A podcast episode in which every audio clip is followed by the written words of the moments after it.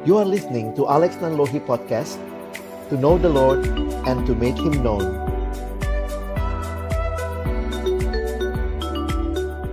Terima kasih, selamat pagi teman-teman sekalian. Selamat siang buat yang sudah mau makan siang. Saya bersyukur. Ini kesempatan yang indah Boleh melayani bersama teman-teman Dan bisa share juga gitu ya. Beberapa hal uh, Kesempatan berbagi gitu ya di masa seperti ini. Nah, mari sebelum kita mulai dengan membaca merenungkan firman Tuhan, mari kita sama-sama berdoa. Bapa di dalam surga, kami bersyukur buat kesempatan yang Tuhan berikan. Kalau kami boleh kembali belajar bersama pagi hari ini. Ketika kami akan membuka firman-Mu ya Tuhan, bukalah juga hati kami Jadikanlah hati kami seperti tanah yang baik, supaya ketika benih firman Tuhan ditaburkan, itu boleh sungguh-sungguh berakar, bertumbuh, dan juga berbuah nyata di dalam kehidupan kami. Berkati hambamu yang menyampaikan dan setiap kami yang mendengar, dan juga diskusi di antara kami, agar kami akhirnya boleh makin melihat apa yang menjadi rencana kehendak Tuhan di tengah-tengah pelayanan kami. Sekali lagi kami menyerahkan waktu ke depan dalam nama Tuhan Yesus kami berdoa. Amin. Ya, teman-teman yang dikasihi Tuhan, saya coba siapkan satu presentasi buat kita. Uh, tapi mungkin saya ingin mulai dulu dengan uh, teman-teman mungkin bisa sama-sama kita survei gitu ya. Jadi tolong teman-teman bisa masuk ke menti.com. Semoga bisa gitu ya. Coba teman-teman uh, masuk ke menti.com. Lalu ini yang saya ingin kita sama-sama survei begitu ya. Saya coba bagikan dulu sebentar. Nah, kalau kalian bisa masuk ke menti.com, uh, kodenya itu 675104. 675104 saya harap bisa jangan sampai keluar ya dari room ini gitu ya. Tapi eh, teman-teman coba masuk ke menti.com lalu masukkan kode 675104 ada tiga kesempatan. Kalian bisa ada tiga jawaban yang bisa diisi gitu ya. Tapi coba misalnya uh, satu kata yang menggambarkan pelayanan di masa pandemi ini Silakan kalau teman-teman terpikir apa berkaitan dengan masa pandemi ini, silakan tolong diisi di menti.com-nya. Apakah bisa? Kebuka kah mentinya? Bisa ya? Oke, yang bingung masuknya ke browser ya, menti.com menti.com kodenya 675104 Wow. Itu maksudnya inisiatif pasti ya? Yang lain silahkan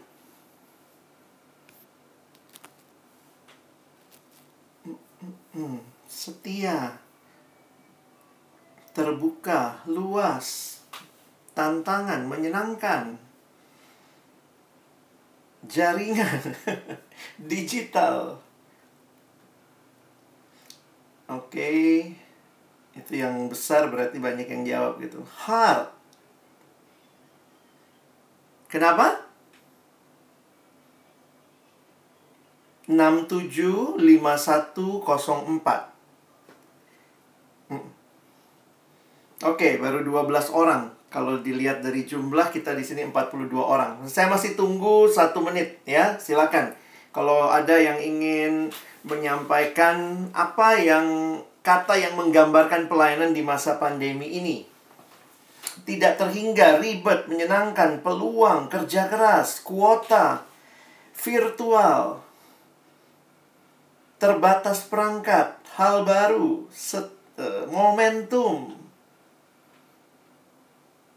mm -hmm. kreatif uh, gadget mm -hmm. apalagi 30 detik lagi media fokus padat. Iya ya, kadang-kadang lebih padat dari hari-hari biasa begitu ya. Oke. Okay. Gadget via daring. Wah. Uji kesabaran. ini masalah sinyal pasti ini ya.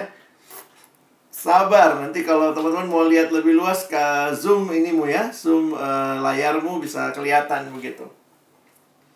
Boleh saya dengar satu dua orang untuk boleh share. Saya minta, ini saya tidak kenal langsung begitu ya. Jadi uh, saya coba minta saja saudara Saudara Petrus Patabang.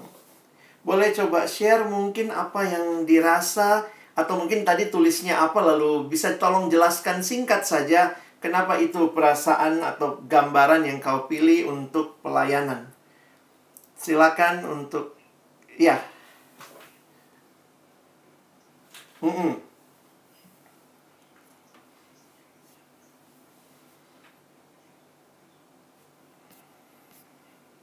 Hmm.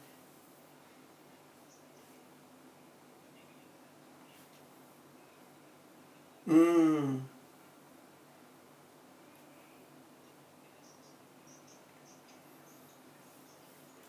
Oh, oke. Okay. Boleh tahu Pe Petrus di mana sekarang?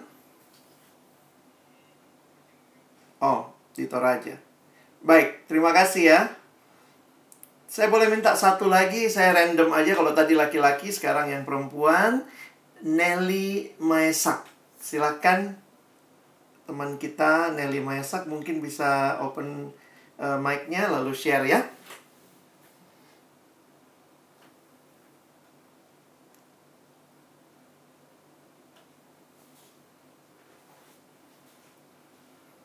Hmm. Boleh tahu Nelly pelayanan di mana? Oh, di Makassar ya. Iya.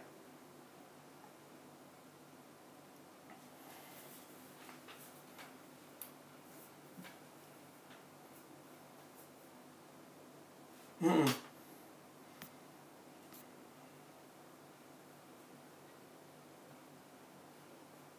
Hmm. Baik. Terima kasih buat Nelly. Ya, teman-teman Kenapa saya mulai dengan hal ini? Karena saya ingin mengajak kita melihat ternyata respon kita pun bermacam-macam, ya. Tentu ini juga respon yang mungkin teman-teman lalui, proses yang teman-teman lalui selama kurang lebih empat bulan ini. Saya harus katakan tidak ada dari kita yang sudah sangat canggih melayani secara online dan ini semua baru buat kita. Nah, ini yang bagi saya akhirnya menarik karena di dalam kebaruan ini kita pun akhirnya bisa melihat begitu ya, bagaimana Tuhan terus berkarya di tengah-tengah pelayanan kita. Nah, saya memberi judul uh, pertemuan kita hari ini Ministry in the Era of COVID-19. Jadi sebenarnya sebelum ada COVID juga, saya pikir dalam beberapa pelayanan itu kita sudah menyadari adanya perubahan yang sangat-sangat cepat yang terjadi. Jadi kalau kita lihat ya pola dulu misalnya pelayanan-pelayanan yang yang tadinya hanya seperti biasa atau ya apa ya business as usual ternyata ketika ada teknologi ini sudah mulai juga jadi bagian yang dipertimbangkan bahkan sebelum ada Covid ini. Secara nasional juga Perkantas memikirkan pelayanan digital. Jadi kita sudah memulai beberapa tahun yang lalu tapi memang makin berasa begitu ya. Semua dipaksa kayaknya harus melakukannya secara digital, online, dan seterusnya di dalam situasi dan masa seperti ini. Nah, orang-orang yang kita layani juga terdampak ya. Jadi mahasiswanya, siswanya, alumninya. Nah, ini saya cuma potret tentang mahasiswa saja. Ini yang kami kemarin uh, di PMK Jakarta coba tanya ke teman-teman apa sih tantangan waktu kami raker ya. Jadi kami raker minggu dua minggu yang lalu, pra raker dua minggu yang lalu untuk evaluasi pelayanan. Ini yang mereka katakan begitu ya. Jadi dampak pandemi bagi mahasiswa ya mungkin pertama ya secara kesehatan. Sadar juga bahwa ternyata orang muda juga bisa terpapar COVID-19. Bahkan yang menarik dalam pelayanan kami yang kena pertama kali itu di hari kedua pemerintah mengumumkan itu salah satu mahasiswa kami kena. Dan anak ini baru saja jadi MC di acara persekutuan terakhir mahasiswa gabungan semua wilayah dan dia berulang kali ke kantor untuk latihan, untuk untuk ini ya. Jadi waktu itu benar-benar kami juga tegang. Jadi waktu itu kan belum banyak informasi sejelas sekarang. Masih di minggu pertama pemerintah mengumumkan kami semua staf harus mengalami isolasi mandiri dua minggu. Dan waktu itu kan masih bingung simpang siur sekali uh, infonya ya. Jadi memang ngeri ya kalau kita lihat dampak kesehatan belum lagi kalau ada keluarga yang kena dalam hal kerohanian banyak perubahan uh, ya bagaimana bisa tetap bersaat teduh dalam situasi begini. Kadang-kadang waktu yang banyak belum tentu bisa tekun begitu ya. Lalu tele ibadah semua jadi uh, semua jadi ibadahnya online begitu ya. Bagaimana dengan doa kelompok kecil. Jadi secara keluarga juga beberapa anak dalam kondisi orang tua dirumahkan pemotongan income dan bahkan juga ternyata di rumah terus sama keluarga itu menimbulkan masalah juga. Karena kalau selama ini mungkin uh, sehari-hari banyak di luar rumah, ternyata dekat dan tiap hari ketemu itu buat masalah juga begitu ya. Jadi di sisi yang lain secara pendidikan juga kuliah dari rumah, skripsi yang lagi skripsi juga banyak yang bergumul.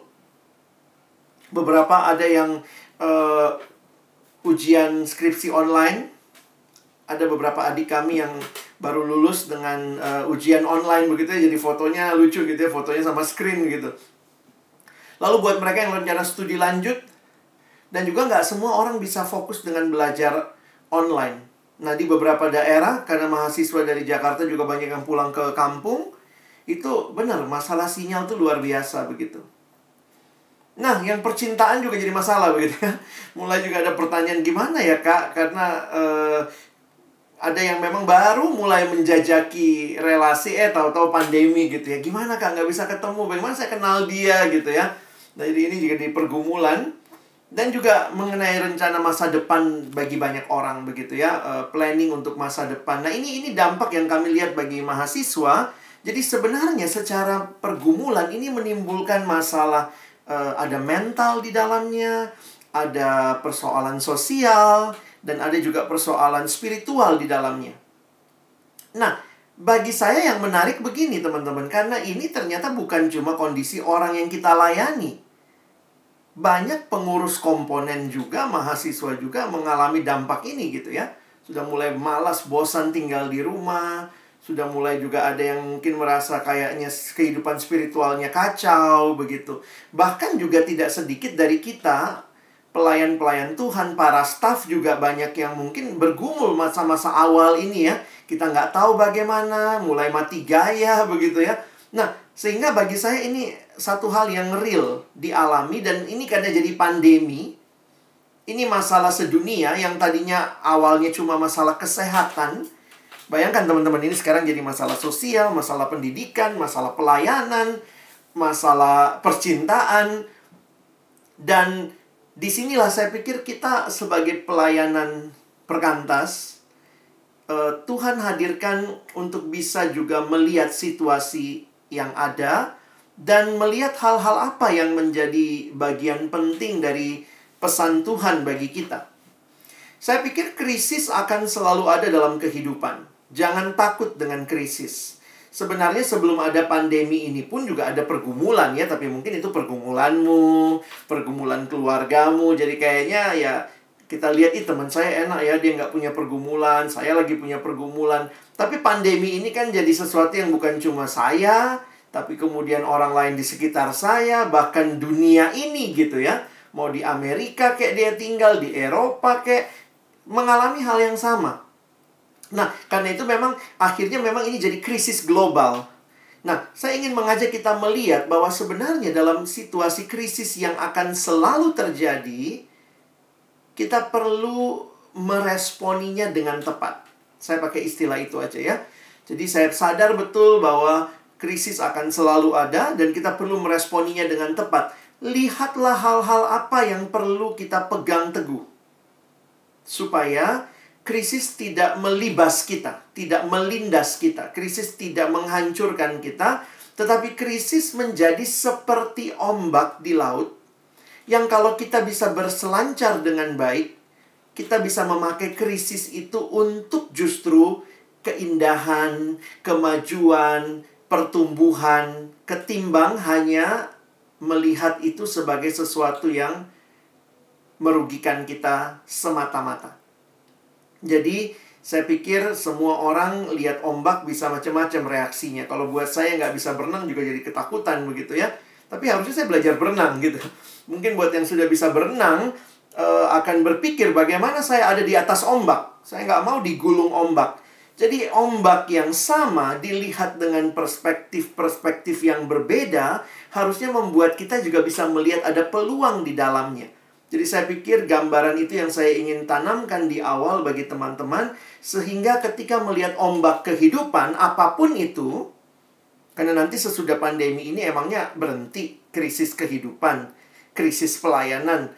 Tetap ada hal-hal yang harusnya terjadi yang kita harus bisa berselancar ketimbang memberi diri tergulung sama ombak dan akhirnya terhempas begitu ya. Nah, pengalaman Paulus dan gereja sepanjang abad juga selalu penuh dengan pergumulan.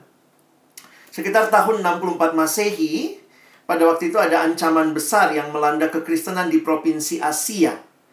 Waktu itu eh, Asia bukan sekadar nama benua, tetapi itu adalah satu provinsi di wilayah kerajaan Romawi. Nah, saya mengangkat dari kitab 2 Timotius pada waktu itu, kalau kita lihat ada Efesus jadi ibu kota di wilayah itu. Ini kira-kira gambarnya kalau kalian lihat, ada Efesus di situ. Itu namanya provinsi Asia. Maka gereja Tuhan yang ada di Efesus mengalami tantangan. Dan waktu itu Paulus sedang meninggalkan anak rohaninya Timotius melayani di Efesus. Nah, ingat waktu Paulus menulis 2 Timotius, Paulus ada di paling kiri atas itu. Paulus ada di Roma. Jauh kan? Roma ke Efesus itu lewat laut begitu ya. Nah, perhatikan bahwa pada waktu itu Paulus ada di Roma, dia menulis surat kepada anak rohaninya Timotius di Efesus dengan kondisi ada dua krisis yang terjadi atau saya pakai istilah ada dua ancaman yang sebenarnya terjadi di dalam gereja atau uh, yang perlu dihadapi gereja Efesus pada waktu itu. Yang pertama adalah ancaman dari luar. Ancaman dari luar adalah dari musuh-musuh orang Kristen, pihak-pihak yang memiliki kebencian kepada pengikut Tuhan Yesus dan uniknya mereka dibenci bukan karena perilakunya yang yang rusak, tapi justru karena perilaku saleh mereka dibenci.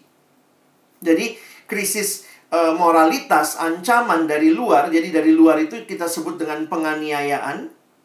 Nah, pada saat yang sama dari dalam gereja muncul juga ajaran-ajaran yang sesat.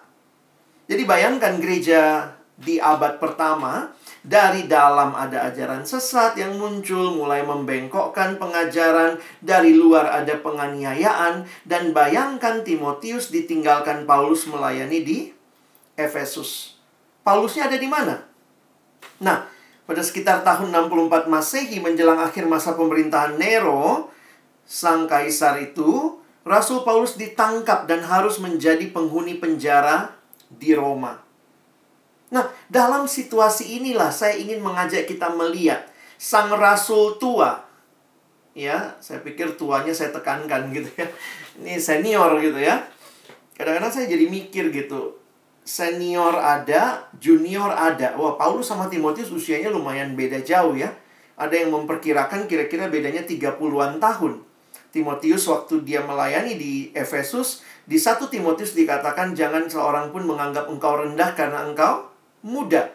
Jadi secara usia kemungkinan Timotius sih sudah kira-kira 30-an tahun.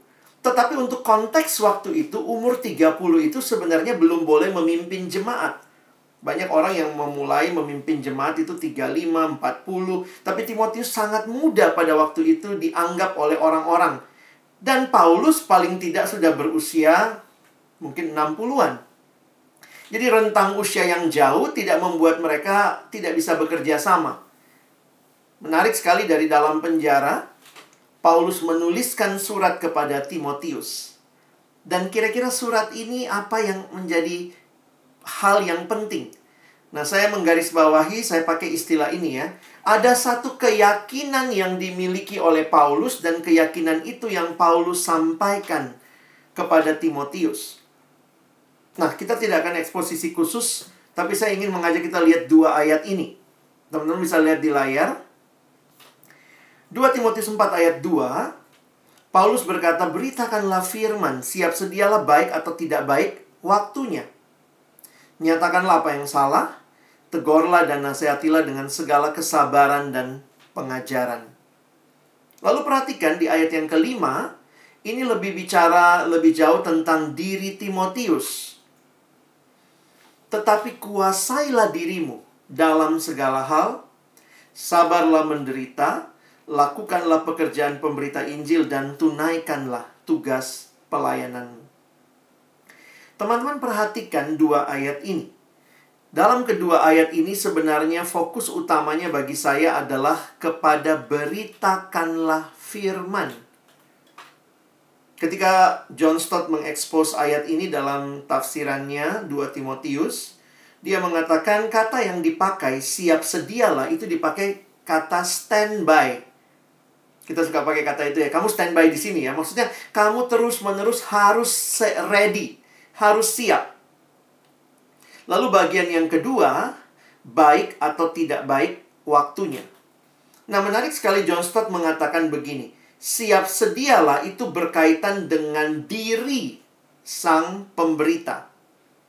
Sementara baik atau tidak baik waktunya itu berkaitan dengan kondisi di sekitar sang pemberita. Jadi sebenarnya siap sedialah kapan pun maka si John Stott dalam tafsirannya dia mengatakan begini. Sebenarnya panggilan untuk siap sedia itu panggilan untuk jangan malas. Kira-kira gitu ya. Kamu nggak bisa kontrol yang di luar dirimu. Kamu tidak bisa kontrol baik atau tidak baik waktunya. Itu di luar dirimu. Tetapi kamu dari dalam dirimu siap sedialah. Oh saya kaget waktu baca tafsiran itu ya. Ternyata dalam situasi seperti ini, krisis yang dialami, bayangkan loh, krisisnya sampai Paulusnya masuk penjara. Bayangkan kalau ketua pimpinan pelayanan kita, siapa? Kak Feng, ada di penjara. Lalu kita kemudian pelayanan, wah hebat banget pelayanannya. Gimana? Mana pimpinanmu? Tuh di penjara tuh. Dari penjara Paulus mengingatkan Timotius, teruslah beritakan firman. Jangan malas. Jangan jangan bilang aduh aku lagi malas ini ya kayaknya kaum rebahan kayaknya lagi nggak enak nih pelayanan lagi begini kondisinya. Siap sedialah standby. Baik atau tidak baik waktunya. Dan kemudian bagian yang kedua kalau teman-teman perhatikan ayat yang kelima sebenarnya ini kaitannya dengan diri. Jadi mak makanya saya lagi melihat begini. Hati-hati atau uh, kita jangan sampai terdiskualifikasi dari pelayanan ini Maksud saya begini loh. Seringkali kalau kita bicara pelayanan, kita bicara orang yang dilayani. Tetapi sebenarnya perhatian Paulus juga banyak dan besar kepada sang pelayan. Sang pemberita Injil, tunaikanlah tugas pelayananmu. Tetapi itu harus dibarengi dengan kuasailah dirimu dalam segala hal. Lalu sabarlah menderita. Jadi saya melihat betapa pentingnya kita teman-teman pelayan kita ya. Kita semua pelayan di sini ada yang uh, eh, BPC ada teman-teman mungkin BPR ada yang BPP ada yang staff ada yang pengurus komponen. Teman-teman lihat ini. Kuasai diri kita. Saya harus menyad, uh, saya harus sharing juga ya menyadari bahwa situasi kayak begini yang yang sebenarnya yang pertama-tama paling terdampak tuh kita kali ya. Maksudnya karena kita langsung jadi bergumul kan gimana melayani terbiasanya kita kelompok kecil kita ketemu tiba-tiba langsung bagaimana ini? Tapi juga nggak sedikit yang kemudian juga sharing kak saya juga tergerus dengan online ini. Ada yang akhirnya tidurnya pagi karena nonton drakor nggak habis-habis nggak nggak bisa menguasai diri. Ada yang akhirnya juga jatuh lagi dalam pornografi. Jadi saya kadang mikir gini Iya ya, Tuhan mau pakai kita, tapi sebenarnya sebelum Tuhan pakai kita, Tuhan pun sedang membentuk dan mengevaluasi kita.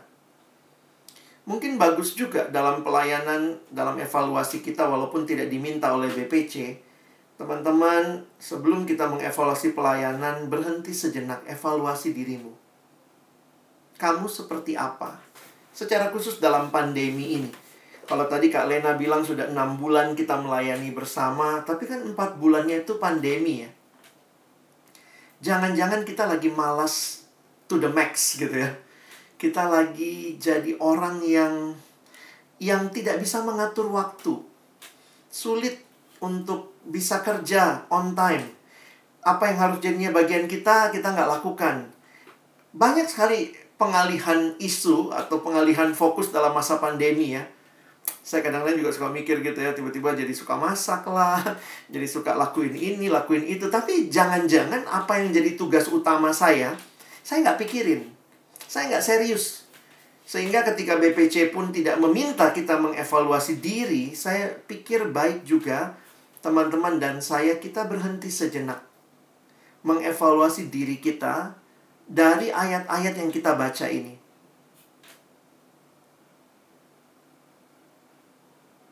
Jadi kita akhirnya bisa melihat apakah benar pelayanan ini kita kerjakan dengan serius. Jangan-jangan kita pun sudah tergerus dan kita lagi bergumul ini ya, keluar dari pornografi, keluar dari bangun pagi yang susah karena tidurnya malam, lalu kemudian kita jadi uh, tidak bisa mengatur uh, nafsu makan kita, kita jadi nggak bisa mengatur keinginan kita untuk kepoin Instagram orang lain dan kemudian menimbulkan sakit hati karena kayaknya enak banget hidup dia. Jadi ada hal-hal yang saya pikir kita harus bertobat juga sebelum kita bicara bagaimana pelayanan kita. Karena Paulus mengatakan demikian dalam satu Timotius. Jadi saya masih berkaitan dengan Timotius, awasilah dirimu sendiri dan awasilah ajaranmu. Teman-teman ini pernah jadi tema hari ulang tahun perkantas se-Indonesia yang ke-25. Kita tahun depan usianya 50 ya. Di tahun yang ke-25 waktu itu saya ingat temanya ini. Awasi dirimu dan awasi ajaranmu. Menarik teman-teman ya. Kenapa Paulus bilang begini? Diri diri itu berkaitan dengan kalau kalian perhatikan diri itu berkaitan dengan uh, kehidupan moralitas jadi dalam pelayanan kita perlu mengawasi diri kita. Kita mesti punya moralitas yang baik, punya kekudusan hidup yang benar, dan awasi ajaranmu. Jadi bukan cuma baik tapi benar. Nah, ini sebenarnya kalau teman-teman kaitkan dengan kondisi pada waktu itu, masih ingat? Mereka dianiaya karena mereka berbuat baik. Tetapi Paulus bilang bagaimana melawan orang-orang itu tetap berbuat baik. Awasi dirimu, teruslah hidup baik. Dan dari dalam gereja masih ingat tadi tantangannya apa? Ada orang-orang yang mengajarkan ajaran yang sesat. Awasi ajaranmu. Kamu harus punya ajaran yang benar. Jadi ini menarik ya. 1 Timotius 4 ayat 6. Pelayan Tuhan harus punya hidup baik dan benar. Demi apa? Demi apakah pelayan Tuhan harus membangun hidup yang baik dan benar? Perhatikan lanjutan ayatnya. Menarik sekali untuk saya sharingkan ke teman-teman. Bertekunlah dalam semuanya itu, dalam hidup baik, dalam hidup benar, karena dengan berbuat demikian, pertama-tama engkau akan menyelamatkan dirimu dan semua orang yang mendengar engkau. Teman-teman, tata lagi hidup kita. Mungkin dalam hal baik, dalam hal benar, terus bertumbuh. Jangan membiarkan pelayanan ini menggerus kita atau kondisi menggerus kita tanpa akhirnya kita mengalami pertumbuhan di dalamnya. Karena itu saya simpulkan dengan kalimat ini. Perintah di ayat 2 dan 5 yaitu perintah yang sama sebenarnya beritakanlah firman pada segala kesempatan dalam segala kebenaran dengan segala usaha dari penjara yang gelap, penjara yang dingin, penjara Roma. Paulus menuliskan surat kepada anak rohaninya Timotius yang lagi ada di gereja Efesus. Timotius, teruslah beritakan firman. Krisis ada, bahkan Paulus pun terdampak dari krisis itu dengan harus ada di penjara. Tapi jangan berhenti Timotius memberitakan firman. Pada segala kesempatan, dalam segala kebenaran dengan segala usaha. Saya pikir ini harus jadi dasar keyakinan semua kita yang melayani.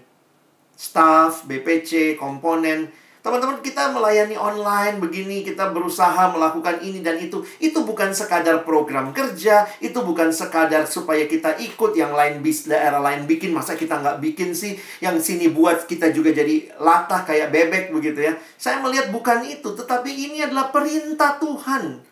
Di tengah krisis situasi jangan berhenti memberitakan firman. Jadi sebenarnya ya kalau bicara perintah saya suka takut gitu ya khotbah ini ya karena perintah kalau nggak dilakukan dosa gitu ya. Maaf kalau pakai istilah itu ya. Jadi kalau kita malas-malesan, kita mulai tergerus, kita nggak mau belajar. Ini yang ngeri nih. Kita nggak mau belajar gimana cara pakai alat-alat ini. Yang yang poinnya adalah sebenarnya ini cara Tuhan untuk bisa menolong kita melayani. Kalaupun mungkin saya saya sadar ya kita makin tua beberapa teman juga yang mungkin seusia atau lebih tua dari saya kita makin tua makin gak, gagap sama teknologi. Tapi kemauan untuk belajar itu istilah yang paling bawah ya dengan segala usaha. Kalaupun saya nggak sanggup coba gandeng yang muda. Jangan malu ya bilang kita nggak tahu ya. Bilang sama yang muda Tolong dong, jangan selama ini mungkin dia butuh kita karena kita staff, kita BPC, kita pemimpin kelompok kecil. Tapi kalau kita nggak tahu, kita yang butuh dia. Itulah persekutuan kan. Persekutuan bukan cuma satu yang butuh yang satu, tetapi saling membutuhkan dan itu terjadi sekarang. Saya pikir mari kita tidak tidak tidak malu bertanya. Mari kita tidak malu untuk menyatakan apa yang jadi pengalaman kita. Saya nggak, kenapa ya dari kemarin pasang videonya nggak bisa ya? Kenapa ya saya kalau lakukan ini nggak bisa ya gitu ya? Dan uh, ini ini terus jadi pergumulan kita ya. Uh, teman bisa stop presenting? Ada tulisannya stop presenting? Itu itu yang di tengah ya? Nggak apa-apa. Ini terjadi dalam banyak pertemuan ya. Paling atas stop presenting. Di atasnya. Nah stop presenting karena kalau nggak kelihatan layar HP-mu ke kita semua itu yang di layar bisa diklik stop presenting. Thank you. Ya. Oke, jadi teman-teman silakan klik yang ada nama saya. Jadi teman-teman bisa lihat presentasi ini ya. Jadi bagi saya menarik, Paulus tuh bukan cuma omdo, omong doang. Enggak. Karena Paulus waktu nulis surat 2 Timotius pun Paulus lagi ada di dalam penjara di dalam penjara Paulus tetap merindukan menggembalakan Timotius. Kita kadang suka bilang gini, gimana kak nggak bisa ketemu? Nah Paulus juga nggak bisa ketemu sama Timotius. Bukan berarti pertemuan ditiadakan, karena memang tidak memungkinkan lain ya. Kalau bisa ketemu kamu nggak mau ketemu, masalahnya di kamu gitu. Tapi ini kan memang tidak tidak bisa nih, karena kondisi. Waktu itu Paulus ada dalam penjara, dia lagi dibelenggu tetapi dia tetap kirim surat ke Timotius untuk menguatkan Timotius, ayo terus melayani. Saya lagi mikir gitu ya, kalau kita mati gaya, coba lihat Paulus. Paulus dalam penjara, teman-teman. Tapi dia terus berusaha bagaimana menyemangati Timotius. Ingat, pada waktu itu, surat itu nggak kayak kita sekarang. Gampang cari kertas, gampang cari pulpen. Pulpen juga tinggal ganti-ganti. Waktu itu masih papirus, perkamen ditulis, ditulisnya juga mesti ditulis dengan uh, pena yang khusus, nggak gampang, nggak kayak kita mesin ketik komputer. Jadi kalau kita ngeluh sekarang nggak bisa melayani, lihat Paulus. Paulus tuh nulis gitu. Dari dalam penjara dia menulis, bahkan sebenarnya ada yang mengatakan dalam tradisi, karena Paulus tuh dibelenggu teman-teman, benar-benar di chain. Nah dia dibelenggu kepada katanya empat orang yang bergantian berjaga setiap enam jam. Jadi bayangkan tangan kanan dirantai ke satu orang, tangan kiri dirantai ke satu orang, kaki kanan, kaki kiri. Wah, Paulus ini penjahat yang luar biasa. Tapi dalam situasi kayak begitu, dia tetap nulis surat. Sehingga banyak yang nanya, siapa yang nulisin surat? Ada yang bilang mungkin Paulus gunakan para prajurit itu tolong dong. Ya mungkin kalau udah deket gitu ngobrol-ngobrol ya lagi nemenin Paulus gitu. Kamu kenapa sih dibelenggu gini? Ini ada nih berita nih. Tolong ya cariin pulpen eh tinta. Tolong. Jadi Paulus tuh pasti berjuang gitu ya. Lalu kemudian dia mungkin mendiktekan lalu yang satu nulis begitu ya. Nah bayangkan dia harus lakukan itu untuk membawa berita penguatan bagi Timotius anak rohaninya anak kelompok kecilnya kalau kita bilang sekarang adik PA-nya Terus kalau kita kayak mati gaya padahal kita punya HP, kita punya kita punya kita punya semua lah ya yang Paulus nggak punya. Paulus aja berjuang teman-teman. Sehingga bagi saya, saya sangat terharu waktu dia mengatakan kalimat ini. 2 Timotius 2 ayat 9. Karena pemberitaan Injil inilah aku menderita. Malah dibelenggu. Istilah yang dia pakai benar-benar dibelenggu. Jadi dirantai. Malah dibelenggu seperti seorang penjahat. Tapi lihat, kalimat ini sangat luar biasa. Tapi firman Allah tidak terbelenggu. Wow, apakah ini keyakinan kita? Aku terlockdown tapi firman Allah tidak bisa di lockdown.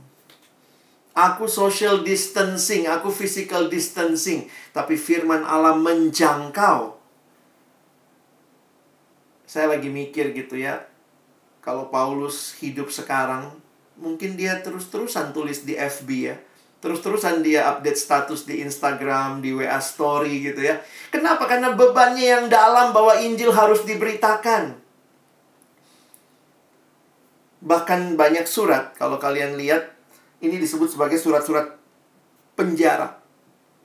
Surat penjara ini, kalau teman-teman perhatikan ada empat surat sebenarnya yang dituliskan dari dalam penjara di Roma yang pertama kali ya. Kalau dua Timotius itu memang dari penjara juga, tapi penjara di Roma yang kedua kali. Penjara di Roma yang pertama kali menghasilkan Efesus, Kolose, Filemon, Filipi. Berapa surat yang kamu sudah tulis selama lockdown 4 bulan? berapa konten yang kau buat untuk adik PA-mu misalnya dalam empat bulan ini. Sudah berapa penguatan lewat surat kah, lewat voice note kah, lewat bikin video singkat kah, lewat kelompok kecil secara online. Apa sih yang harusnya kita lihat dari pengalaman Paulus bagi saya? Paulus mengerti betul Injil harus diberitakan dan dia menyampaikannya. Karena itu kesimpulan ini jadi kesimpulan yang saya terus ingat dan renungkan dalam masa pandemi ini. Firman Allah tidak akan pernah terbelenggu oleh para penentangnya. Yang suka membelenggu firman itu bukan penentangnya, tapi pemberitanya yang malas, yang mulai mati gaya, yang gak mau belajar. Kita itu yang membelenggu firman Allah. Jujur aja saya jadi banyak belajar, saya tanya sama orang, saya coba sharing apa yang saya tahu, saya sharing sama yang lain, apa yang orang lain tahu, saya belajar, saya lihat YouTube. Poinnya apa? Untuk menolong bagaimana Injil bisa diberitakan. God's word can never be chained by its opponents, only by its messengers. Ini bagian pertama yang saya mau sampaikan ke teman-teman, penguatan keyakinan yang harusnya teman-teman miliki dalam situasi seperti ini sehingga tidak ada alasan buat kita untuk kita berhenti melayani. Bahkan tadi ya, beberapa teman memang secara emosional kita bingung, kita pusing, tapi juga beberapa mengalami melihat saya mulai kreatif loh Kak gitu ya. Saya mulai bisa lakukan ini, lakukan itu. Banyak yang bilang, "Kak, tapi di tempatku sinyal susah." Sama kayak Paulus. Paulus juga susah sinyal. Apakah cara cara cara melayani sekarang hanya satu-satunya online? Jangan-jangan kita termakan online juga nih. Apa-apa mesti online, apa-apa mesti online. Padahal jelas-jelas di tempat kita sinyal susah. Apa yang harus dilakukan? Ini belajar aja dari Paulus. Berapa surat yang kau tulis buat adik kelompokmu? Oh mungkin dia nggak nggak surat-suratan lagi sekarang. Oke lah WA lah ya di tempat susah mungkin WA masih masuk lah sekali-sekali gitu ya. Apa yang kita sampaikan, apa yang kita berikan, mungkin status-status yang kita update kadang-kadang menarik ya uh, saya suka bilang gitu ya kalau kalian lihat uh, Instagram perkantas Instagram perkantas itu uh, saya dulu kan waktu masih sebelum ini ya SMS gitu buat SMS semenit menikmati sabda kalau masuk Instagram perkantas udah satu menit itu loh satu menit itu yang nonton atau yang nge-like atau yang yang view saya paling maksimal itu paling 200, 300, pernah lah sampai beberapa tema 400 yang nge-view. Teman-teman, kenapa saya cerita ini? Ini bukan kenapa saya cari-cari influence, bukan ya. Poinnya adalah begini, ketika teman saya namanya si Ernest, Bang Ernest itu bikin komik. Ini kan generasi komik, maunya lihat sesuatu yang cepat tapi terberkati itu yang ngelihat komiknya Ernest itu rata-rata di atas 400, 500, 600 orang. Teman-teman bisa bisa paham yang saya maksud? Eh, tidak semua harus khotbah. Itu itu poin saya. Tidak semua harus jadi kayak saya, kayak Kak Feng, kayak Kak Anto, atau mungkin kayak staff-staff yang harus berkhotbah. Gambar pun bisa gitu loh. Kadang-kadang Kak Feng foto tanaman aja terberkati kita yang baca ya, yang lihat itu ya. Saya bagi saya, iya ya, mesti ngelihat tanaman bertumbuh gitu ya. Lihat lihat seperti adik kelompok kita bertumbuh. Jangan jangan berhenti untuk mengatakan Tuhan hanya bekerja dengan satu cara. Saya sangat yakin ketika firman disampaikan dengan berbagai cara, Tuhan bekerja. Makanya penting untuk kita juga ya menjadi pengguna medsos yang bijak begitu ya. Apa sih yang kita posting? Apakah kita cuma posting kegiatan sesuatu atau keluhan-keluhan kita nanti kalau di uh, Insta story-nya atau di WA story-nya cuma isinya marah-marah, keluhan atau hahaha yang nggak jelas. Kadang saya pikir ini lagi masanya yang Tuhan semuanya orang pada macam-macam ya pada bikin ini bikin itu. Saya pikir no problem silakan buatlah. Penuhilah ruang digital ini dengan konten-konten yang yang bermakna bermutu. Karena ya orang-orang punya banyak pilihan akhirnya. Jadi bagi saya eh, bagaimana ke depan? Bagaimana ke depan? Saya pikir mari kita berupaya memastikan bagaimana pemberitaan firman Tuhan tetap berlangsung dalam masa pandemi. Nah, saya kasih beberapa contoh saja. Jadi maksudnya gini, saya kasih contoh uh, apa yang terpikir ya, mulai dari saya berpikir sampai akhirnya saya membuat sesuatu. Karena waktu saya coba membuat sesuatu uh, mengatasi masa pandemi ini ya, itu ada asumsi di baliknya. Nah, saya mau cerita sedikit nanti asumsi itu ya. Kenapa? Bagaimana? Uh, misalnya, jadi kalau kita mau berpikir, berpikirnya ada stepnya, kira-kira begitu ya. Nah, ini peluang dan tantangan. Saya pikir kita mesti kenal juga ya. Uh, sekali lagi, banyak orang nggak kenal peluangnya, cuma bebek aja. Semua bikin YouTube, bikin YouTube. Semua bikin IGTV, bikin IGTV. Semua bikin IG Live, bikin IG Live. Poin saya adalah jangan jangan cuma ngikut. Tapi jelas jelasnya kita tahu nih kondisi orang seperti apa dan kira-kira konten kita nanti akan bagaimana. Nah, itu saya pikir perlu nanti uh, secara bersama kita berpikir di komponen masing-masing ya. Misalnya, tantangan ini ini semua hasil Raker Jakarta kemarin ya, saya coba kompilasi beberapa hal. Kesulitan berelasi dalam persekutuan mengingat kondisi tidak dapat bertemu tatap muka sehingga relasi interpersonal antar jemaat tidak berkembang, komunikasi terbatas dan persetujuan online lama kelamaan. Memang awalnya banyak dari daerah mana ikut, tapi lama kelamaan mulai tidak lagi dinikmati. Itu kami alami di Jakarta tuh. Jumlah yang ikut menurun, menurun begitu ya. Nah, memang mereka lihat tema juga gitu ya, tapi akhirnya excitement yang di awal pandemi udah mulai berubah nih. Jadi, kita mesti sadari hal-hal seperti itu juga dikarenakan online sehingga setiap mahasiswa lebih fleksibel waktunya. Tapi ini menarik nih, fenomena yang kami evaluasi, bahkan ada yang tidak pernah hadir atau tidak rutin hadir pada saat persekutuan offline, tetapi datang ketika online. Tapi ada sebaliknya juga, yang datang waktu online, offline, malah waktu online nggak datang, ya. Jadi sebenarnya ini ada peluang juga di situ kan untuk persekutuan dan pembinaan online. Jadi kita mesti bisa melihat dengan baik, dengan tepat ada beberapa kondisi yang menjadi kondala pulang kampung di rumah keluarga. Jadi beberapa mahasiswa kami yang nggak pulang kampung tuh tinggal sama keluarga di Jakarta. Sehingga harus bisa bagi waktu dengan kuliah online. Bayangkan dia kuliah, kuliah online dari pagi sampai sore. Lalu habis itu ada kelompok kecil lagi. Habis itu ada persekutuan lagi. Jadi merasa kadang-kadang tidak enak sama keluarga karena seharian dari pagi sampai malam depan laptop, depan HP. Nah, ini kan buat kita yang jadi saya ngelihat gini tanpa sadar biasanya gini. Ada yang bilang kita kelompok kecil 2 jam ya. Kalau misalnya kita kelompok kecil yang ketemu 2 jam. Lalu kemudian waktu dipindah jadi online tetap 2 jam juga. Nah, saya pikir begini loh, hati-hati kita cuma memindahkan yang offline jadi online.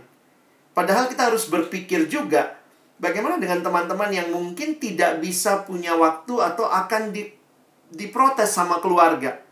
Kok dari pagi sampai malam hanya depan laptop, depan HP. Nah, saya pikir kita mesti pikirin juga. Sehingga apakah persekutuan kita harus selama itu? Nah, ini jadi jadi pertanyaan yang mesti dipikir ya. Dan ada beberapa mahasiswa yang kesulitan kuota internet internet dan juga jaringan internet. Perlu dipikirkan secara utuh pembinaan baik secara on offline maupun secara online. Jadi balik lagi, saya pikir begini loh, tidak semua harus online. Untuk daerah-daerah yang memang sulit, teman-teman mesti berpikir keras itu. Ya, untuk daerah-daerah yang mungkin jaringan masih ada tapi kadang-kadang dapat, kadang-kadang tidak, mungkin bisa kombinasi. Ada online-nya, ada offline-nya. Tapi kalau memang benar-benar nggak ada jaringan, ya mesti pikirin offline. Tapi offline-nya apakah perlu ketemu? Nah, ini kan nggak mudah. Nah, ini yang kita mesti berpikir lagi. Jadi, uh, semua tantangan ini membuat kita akhirnya bisa melihat beberapa hal yang penting. Nah, saya dalam pergumulan beberapa bulan ini akhirnya menemukan memang iya ya kekuatan pelayanan kita itu bukan di kelompok besar seharusnya. Tapi harusnya ada di kelompok-kelompok kecil. Jadi pastikan bahwa beberapa kampus di Jakarta ada yang nggak bikin pertemuan besar. Jadi pertemuan besarnya dia gabung sama PMK kota. Jadi ada beberapa yang memutuskan dia nggak bikin pertemuan besar dalam arti online, tetapi dia memastikan semua kelompok kecil berjalan. Nah, kira-kira begitu. Nah, bagi saya, saya pikir itu ya kekuatannya. Seperti yang Paulus bilang sama Timotius, di, di benaknya Paulus, bayangkan Paulus dalam penjara, di benaknya ada empat generasi loh. Dirinya, Timotius, orang yang dapat dipercaya, lalu kemudian ada orang lain. Kan itu ngomong ya, yang engkau dengar daripadaku di depan banyak saksi, percayakan pada orang yang dapat dipercaya, yang juga cakap mengajar orang lain. Saya pikir, wow, pemuridan yang Paulus pikirkan bagaimana terus ada murid yang memuridkan. Sehingga pelayanan online juga ketika kita berbicara hal seperti ini, kita perlu memikirkan dengan dalam. Nah, saya coba berpikir begini ya, untuk pelayanan-pelayanan online, kadang-kadang kalau kita cuma bikin pertemuan besar, kita tidak tahu apa yang jadi respon orang. Jadi kita harus berpikir mendalam bagaimana juga terjadi uh, ini ya keterlibatan yang dalam. Nah ini yang saya secara pribadi berpikir kalau memang sulit secara pertemuan besar mendapatkan respon, maka sebenarnya kelompok-kelompok kecil lah ujung tombaknya. Nah sekarang di dalam dunia online, saya coba share ya ini beberapa hal yang saya pikir jadi prinsip dalam pelayanan online adalah engagement. Sekarang kalau teman-teman lihat juga, jadi uh, ini kan istilah-istilah youtuber sekarang ya. Tapi itu ternyata istilah yang lebih alkitabiah juga waktu saya renungkan gitu. Jadi dulu, dulu itu influence seseorang, pengaruh seseorang dilihat dari berapa banyak jumlah followernya. Jadi makanya dia bilang, oh dia influencer. Kenapa? Ih followernya sampai 10 ribu. Jadi orang suka ngelihat yang namanya influence kalau dia punya banyak follower. Benar, secara teori ya kalau banyak yang ikut YouTube-mu, ya banyak ikut IG-mu ya kamu memberi pengaruh kepada sekian banyak orang. Tetapi sekarang ini dalam perkembangan yang lebih lanjut mereka mengatakan no, bukan cuma berapa follower, tapi berapa engagementnya. Nah, kalau kalian main YouTube, kalian ngerti lah ya. Yang sekarang diukur tuh engagementnya. Kalau mau dapat monetisasi segala macam, yang dilihat engagementnya. Kamu bisa punya 10 ribu follower, tapi setiap kali kamu misalnya throw konten, bagikan konten, yang nonton cuma dua misalnya. Berarti engagementmu cuma cuma dua. Nah, itu yang sekarang kemudian dilihat oleh oleh apa eh, media-media sosial. Jadi sekarang kalau teman-teman lihat misalnya di YouTube bisa masuk ke YouTube Studio, kita bisa lihat tuh berapa engagementnya, lalu kemudian berapa yang nonton retentionnya, berapa banyak. Saya pikir memang begini, kita kan pelayanan Kristen nggak cari nggak cari uh, pengikut media sosial ya, kita cari follower of Christ. Tapi saya lagi berpikir begini, apakah kita juga berpikir sungguh-sungguh untuk engagement secara utuh? Jadi tetap menjadikan uh, ada ada keterlibatan yang dalam. Nah, saya kasih contohnya begini. Beberapa kampus di Jakarta, atau saya lihat juga di beberapa daerah, merasa sudah cukup bikin kebaktian online. Ih, yang datang tadi, PAK kita yang datang, eh kampus ya, maksudnya yang datang tadi eh, uh, 70 orang loh. Terus kemudian yang satu bilang, ih yang datang di tempatku uh, eh, 100 loh. Jadi kadang-kadang kita excitement sama jumlah ya. Tapi jangan pikir jumlah itu, yang penting saya sudah throw konten, pokoknya ada sekian orang waktu saya live dia ikut, tapi berapa banyak engagement. Nah, engagement ini yang saya pikir perlu kita sadari. Di sinilah peran kita dalam pelayanan ke depan. Kalau masih punya waktu ke depan kita melayani, kita mesti pikirin engagementnya. Supaya bukan cuma sharing knowledge. Tapi ini nilai-nilai yang lama. Bagaimana berjalan bersama. Dan ini nilai pemuridan kan? Karena kehidupan iman itu tidak cukup hanya dibicarakan, dihotbahkan, di kan, tapi perlu ditransfer dengan pemahaman, teladan, pengalaman iman, interaksi yang utuh. Sekarang kita mesti pilih. Kalau sekarang situasinya lagi nggak bisa ketemu, maka bagaimana kita mensiasati itu? Karena kalau Paulus sama Timotius kan deket ya hubungannya ya. Bahkan kalau kalian lihat, Paulus pernah ngajak Timotius pelayanan bareng dan Timotius ngeliat langsung tuh Paulus dianiaya, menderita. Makanya dia bilang, engkau telah ikut menderita. Tapi poin saya adalah di sini pentingnya engagement, pemuridan, ini nih, mentoring personal akhirnya. Nah, gimana bentuknya? Ya bentuknya sebenarnya sama aja kayak offline ya. Saya suka bilang sama adik-adik kalau kita offline, ingat ya, kamu itu mimpin kelompok kecil, tujuh orang atau lima orang. Tapi, yang kamu pimpin walaupun tujuh atau lima orang, kamu pimpin lima orang, tapi sebenarnya perhatian kamu harusnya pribadi. Nah, jadi saya lagi berpikir begini kali ini, kalau kita mau kombinasi ya, uh, lakukanlah pelayanan-pelayanan personal, misalnya uh, kayak kita kita sudah ikut apa webinar atau kita ikut kebaktian, mungkin kita juga perlu makanya kalau kita lihat di Zoom misalnya, dia masuk ada breakout roomnya Nah, memang Zoom itu jadinya harus berbayar. Itu breakout room itu kan sebenarnya pola engagement. Sehingga bukan cuma, wah oh, banyak yang datang tadi, Zoom, Zoomnya seribu, seribu yang datang. Tapi berapa banyak yang ngerti apa yang disampaikan. Jadi minta respon. Nah, saya lagi berpikir juga bagaimana mungkin eh, persekutuan-persekutuan misalnya membuat kesempatan di mana kita bisa masuk ke dalam relasi yang lebih personal. Saya bilang sama satu kelompok kecil uh, pembinaan ya kemarin di Jakarta saya bilang gini mungkin sekarang kita perlu juga jangan merasa PKK ini kan kita punya WA nih. Kita punya grup WA kelompok kecil tapi kita merasa oh, setiap pagi saya selalu selamat pagi Tuhan berkati kirim ayat tapi mungkin kita perlu kirim ke pribadi demi pribadi. Bukan merasa cukup kalau sudah belas di WA grup Nah, saya nggak tahu kedekatan kelompokmu seperti apa, tapi mungkin perhatian personal yang dia nikmati dalam situasi yang sebenarnya banyak orang kesepian, ketakutan, itu jadi penting. Atau misalnya WA pribadi, gimana kemarin waktu ikut acara ini, kamu dapat uh, coba sebutkan dua hal yang kamu atau gimana lah pakai bahasa yang nggak formal ya. Eh, ada apa apa beda yang kau dapat kemarin dari pertemuan itu? Coba kau lihat dua hal yang kau dapat misalnya. Kita bisa lebih kita lebih bisa minta engage yang lebih dalam dan sebenarnya perhatian bisa terjadi di situ. Makanya teman-teman saya harus katakan pelayanan online bagi saya itu tidak menggantikan pelayanan offline. Karena ini tidak saling menggantikan. Tapi saya pakai istilah saling menambahkan. Karena nanti kalau sudah selesai pandemi ini pun, saya pikir salah satu bentuk yang bisa kita tambahkan dalam pelayanan kita adalah pelayanan online.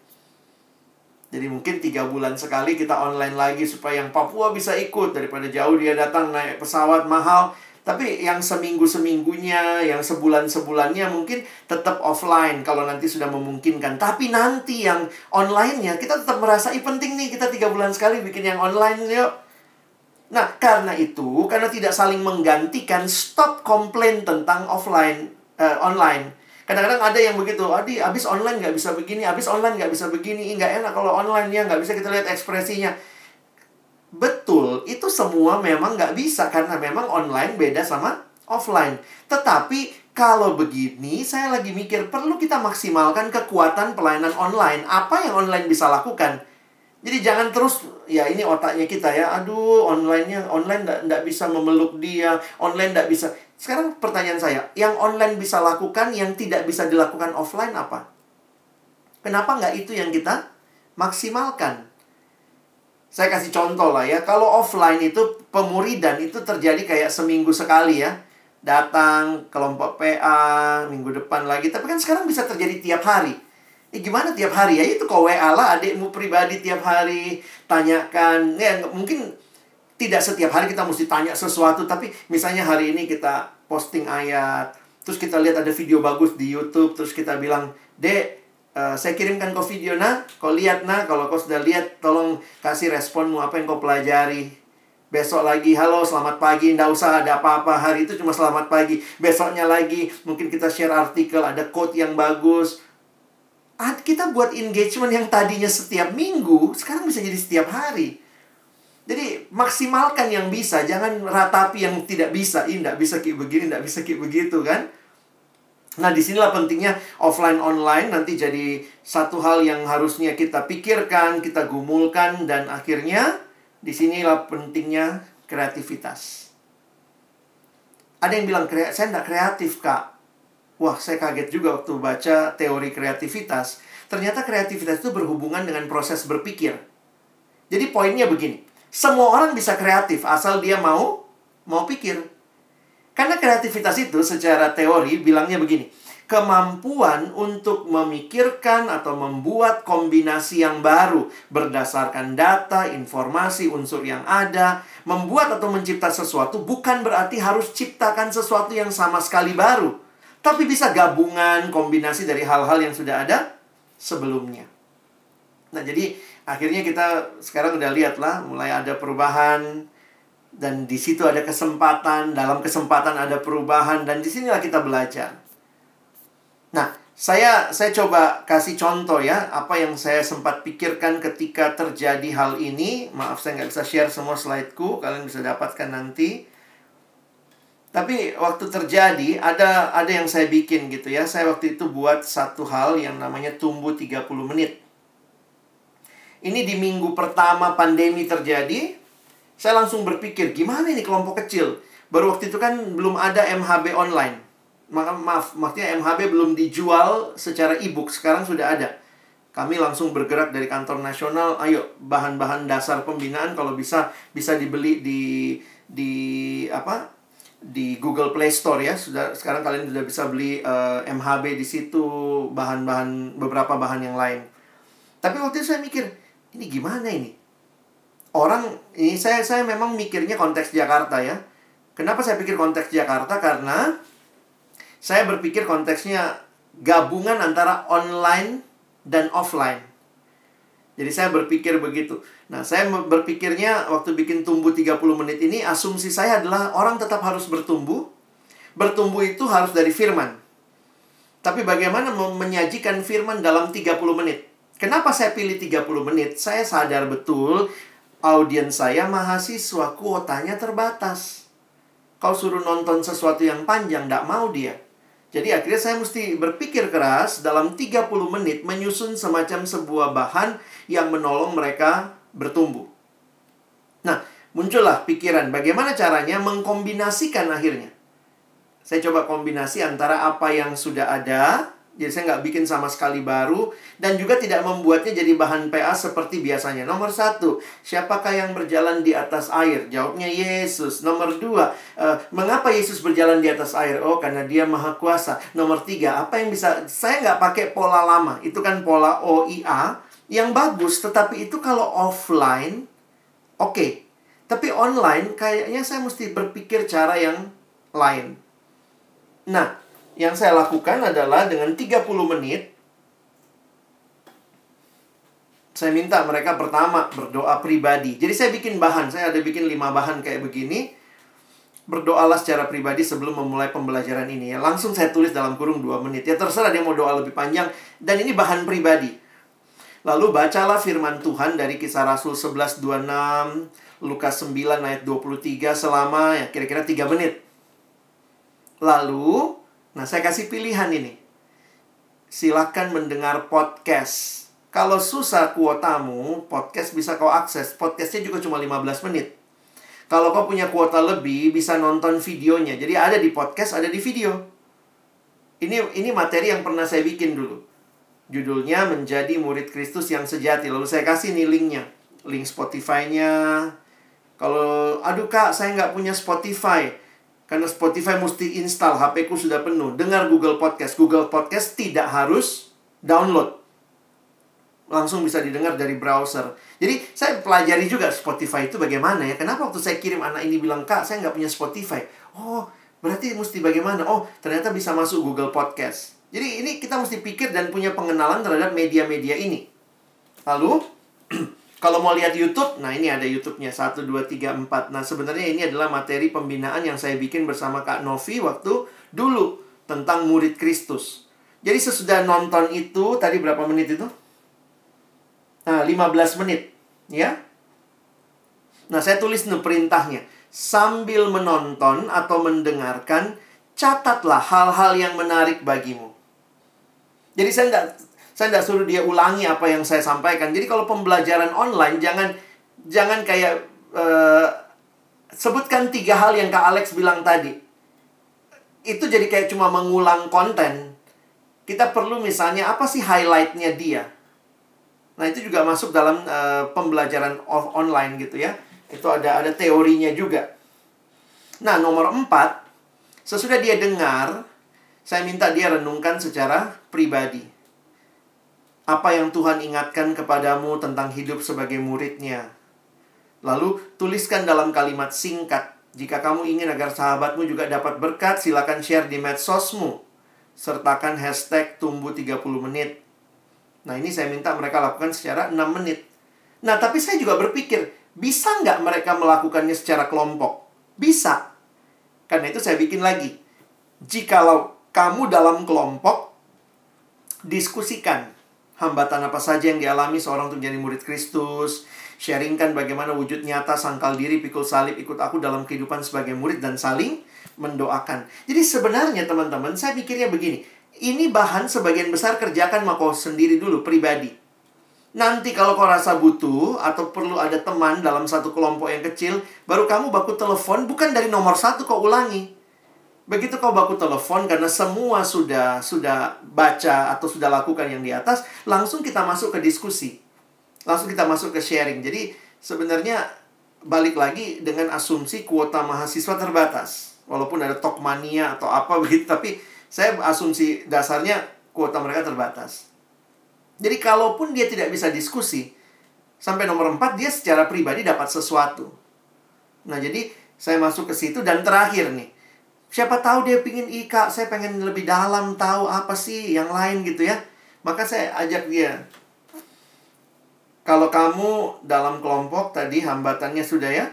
Nah, nomor 5 itu uh, ada lagu. Saya ambil dari YouTube misalnya ada lagu tertentu, saya ambil dari YouTube. Dia dengar lagu, habis itu dia berdoa agar Tuhan menolong jadi murid sejati 2 menit. Jika kamu mau mendalami topik ini lebih lanjut, kita kasih pilihan di bawahnya. Silakan bisa dengarkan itu. Ada topik like or follow atau call me disciples. Jadi saya memang sudah lihat eh, konten-konten yang sudah ada, saya cuma kombinasi. Poinnya adalah pembelajaran offline online dikombinasi. Ah ini bisa bisa kita lakukan. Tapi memang teman-teman mesti tahu betul apa yang jadi masalah pergumulan di daerahmu, anak-anaknya tipenya seperti apa Kalaupun sulit pakai online, sadarkah teman-teman bahwa sebenarnya semua bahan PA perkantas itu bahan bahan PA pribadi? Coba kita lihat, sebenarnya bahan-bahan kita ini kan tanpa pemimpin juga bisa. Ini kalau mau bicara bahannya saja ya. Jadi bisa aja misalnya kita minta adik-adik tolong kau pelajari tolong ya termasuk ya mungkin jawabin pertanyaannya nanti begitu teleponan atau begitu kalau susah kuota internet kan akhirnya teman-teman pilihannya nelfon.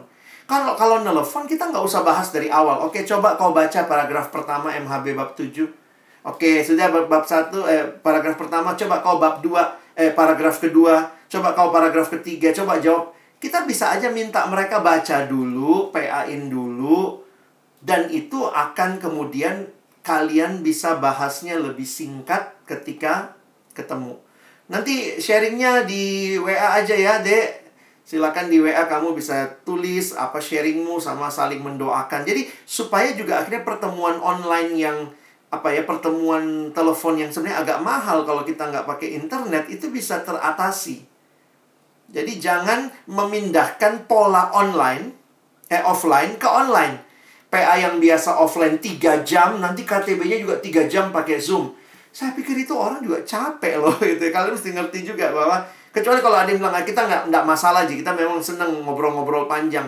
Tapi sebenarnya kita harusnya bisa mengoptimalkan. Kalau tidak nanti pertemuan online ini lama-lama jadi capek dan membosankan. Ada yang namanya sekarang Zoom fatigue gitu ya. Orang mulai kelelahan nge-zoom, kelelahan apa dan saya pikir ini yang saya mau coba share ke teman-teman untuk memberikan saja ide.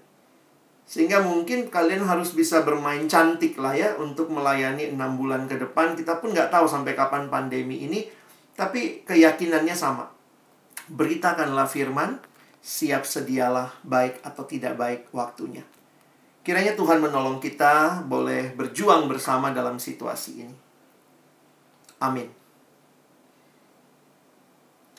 Jika masih ada waktu dan mungkin ada yang mau bertanya, silakan ya, saya persilakan. Jadi kita bisa sharing ide juga dari apa yang teman-teman mungkin sudah lakukan, saya bisa dengar, kita saling berbagi. Terima kasih.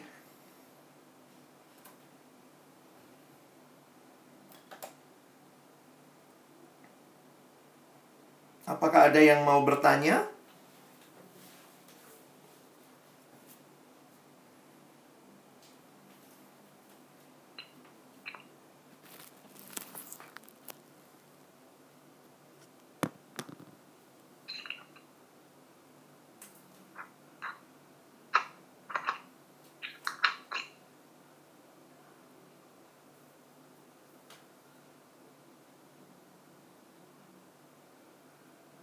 Ya, silakan ya. Saya kasih kesempatan. Kalau memang nggak ada nanti saya tutup doa. Tapi kalau ada, silakan bertanya. Mau ketik boleh. Langsung open mic juga biar nggak buang waktu juga boleh.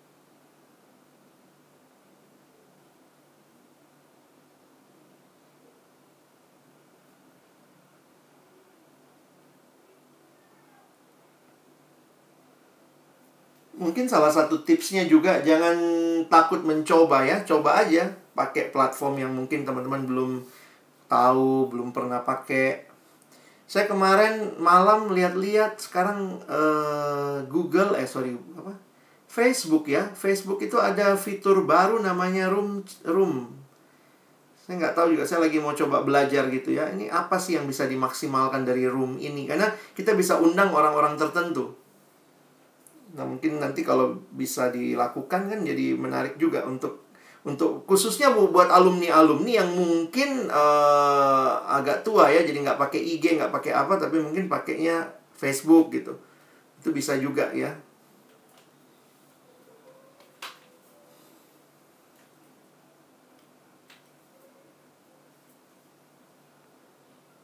Apakah ada? Saya kak. Yuk, silakan. Eh, mau tanya kak, ini eh, tadi sempat kak Alex kan sempat menyinggung mengenai eh, semangat awal yang menggebu-gebu, Hmm. kemudian setelah itu semakin menurun. Hmm. Nah itu juga sebenarnya juga eh, setelah kami evaluasi, kalau di pelayanan alumni itu juga kondisi itu sekarang sedang terjadi. Mm-mm. Jadi alumni-alumni kita itu semakin menurun awal-awal waktu kami buat pembinaan, kemudian PA PA alumni Iya. itu sangat banyak, sangat banyak eh, yang masuk, yang sangat banyak yang yang mengikuti. Nah sekarang-sekarang itu sudah eh, semakin menurun Hmm. gitu. Nah kira-kira eh, waktu eh, kondisi di Jakarta seperti itu, Hmm. kira-kira apa solusinya kak? Ya mudah-mudahan itu juga bisa menjadi solusi bagi kami di sini. Hmm. Kasih kak. Thank you Lena. Sebenarnya kami juga bingung. karena karena memang apa ya? Ini fenomena kan. Ada hal baru semua kayak bebek gitu ya. Tapi memang akhirnya ketahuan juga karena sangat banyak pilihan sekarang. Saya nggak bisa salahkan. Sangat banyak pilihan. Dan banyak yang bentrok waktunya. Dan semua merasa acaranya penting kan. Makanya saya saya malah bilang begini ya, maaf ya, mungkin saya bukan pesimis dengan pertemuan besar, cuma saya suka bilang sama anak-anak kalau harus memilih antara pertemuan besar yang mungkin tidak terlalu re- relate sama kita uh, ikut ikut webinarnya siapa kah atau ikut acaranya siapa kalau nggak terlalu relate sama kamu uh, khusus buat mahasiswa ya sisakan kuotamu atau spare kuotamu justru buat kelompok kecil karena itu bagi saya yang benar-benar menolong pertumbuhanmu karena engagementnya lebih dalam ketimbang ikut acara ini, ikut acara itu. Nah, makanya sekarang jadi pergumulan karena memang rata-rata acara alumni itu cuma acara besar ya. Beberapa PA wilayah pun juga kan jumlahnya agak besar. Nah, mungkin penting sebenarnya ada orang-orang yang memperhatikan ke bawahnya begitu. Uh, ya itu yang mesti kita pikirkan. Misalnya um, ya kayak begitu-begitu ya japri-japri untuk tanya pergumulan pokok doa. Karena orang di acara zoom webinar yang besar nggak mungkin cerita bagaimana dia terdampak bagaimana dia sampai harus dipotong gajinya. Tapi kalau kita kontak pribadi engage itu bisa ketahuan. Nah di sisi yang lain optimalkan sebenarnya teknologinya jadi misalnya begini juga ya saya saya melihat memang tidak bisa kita bikin sama seperti offline jadi rata-rata saya lihat persekutuan yang cukup aware dengan situasi, maka kebaktiannya tuh nggak lama. Jadi itu orang kalau pertama kali datang lalu sudah berasa lama, sudahlah itu tanda-tanda dia nggak akan datang lagi. Jadi bisa jadi karena kita kita kadang-kadang gitu ya sama persis kayak offline. Lagu ada tujuh tujuh lagu dipakai semua. Nanti lagu pertama, lagu ucapan syukur, lagu penyembahan, lagu Padahal kan dalam situasi seperti ini, nah itu yang terjadi di PMK Jakarta. Jadi kayak kami mem mencoba mempersingkat beberapa hal. Lalu kemudian uh, ya kayak mendorong semua pembicara pakai PowerPoint. Jadi itu itu perjuangan ya. Bayangkan kita lihat lihat apa? Lihat screen kalau gelap aja begitu. Itu bagi saya juga jadi kayak kita memang berjuang lah secara teknologi kita coba tambahkan apa kita kemudian minta respon. Tolong teman-teman jawab di grup chat. Terus kayak tadi saya minta tolong teman-teman tulis di menti. Itu sebenarnya upaya untuk membuat engage ya walaupun balik lagi dalam pertemuan besar engagement itu akan kurang akan akan sulit dikontrol. Nah tapi itu yang mesti dipikirkan. Misalnya kami menetapkan persekutuan kita tidak lebih dari satu setengah jam.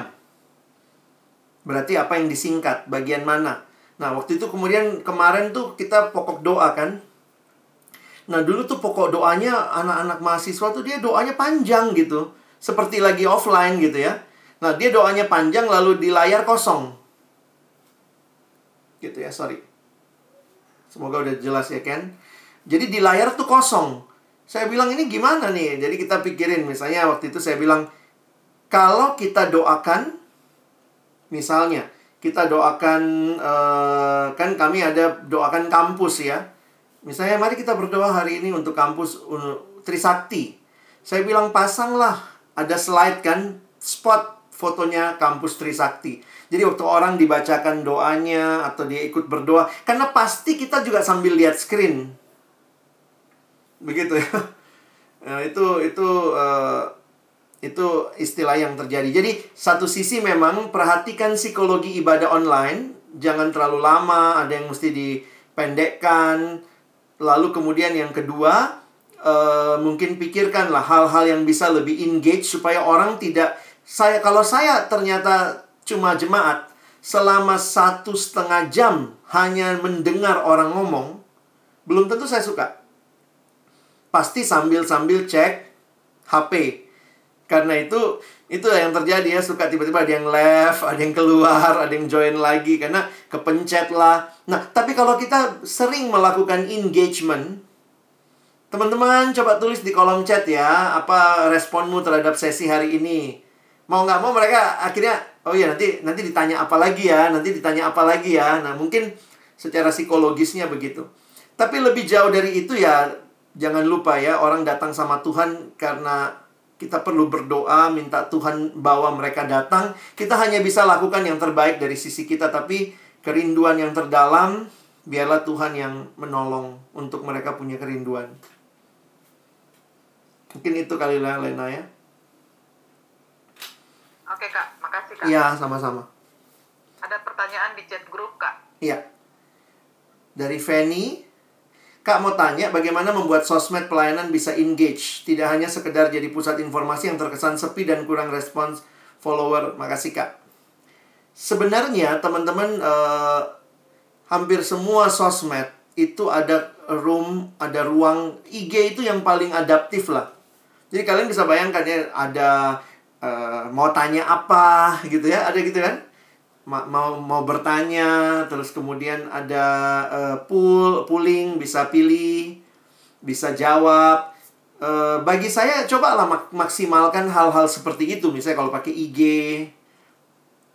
memang itu perlu ada orang yang setia mengelola. Jadi supaya akhirnya waktu orang merespon misalnya ya kita bisa dengan cepat juga mungkin meresponi jadi kalau kalian posting sesuatu misalnya, tulis aja ada di bawahnya. Apa responmu? Kan ada tuh yang tanda apa, banyak lah tanda jempol atau apa. Tapi bagi saya, sebenarnya itu menunjukkan generasi ini bukan cuma senang informasi. Mereka senang bisa kontribusi dalam informasi itu. Nah, sebenarnya pola-pola kayak menti tadi, kalau saya mulai lalu saya hotbain kalian, semua yang saya hotbain itu bisa apa yang kamu tulis. Tapi waktu kamu tulis duluan sebelum saya khotbah, kamu udah bilang ini loh kondisinya kak.